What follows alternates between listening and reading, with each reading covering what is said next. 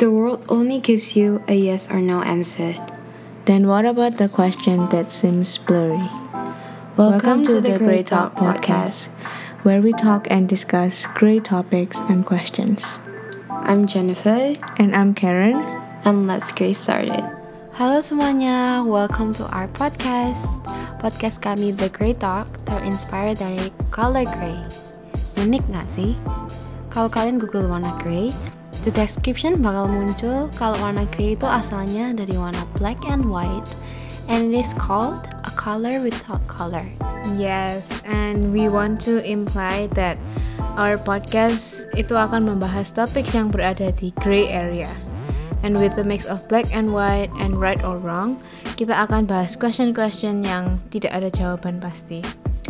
We hope that from this podcast kita bisa menambah wawasan ke banyak orang tentang topik yang jarang dibahas sebelumnya. Dari sini juga kita bakal share our educated opinions, experience, dan pokoknya kita bakal bertukaran pikiran. Yes, so excited! Especially with the existence of social media, banyak topik-topik baru yang sekarang terasa di kalangan masyarakat Indonesia loh. Kita mau menghilangkan tabuness di topik-topik yang bisa dibahas dengan baik. We want to start racking your brains and know what do you actually think about these kind of topics. Remember, it is okay to not always have the answer for everything. It is okay to have a different opinion, but what is important is to respect everyone's opinion. So get comfortable, read about the topics, and start inviting your friends to discuss about uh, our podcast.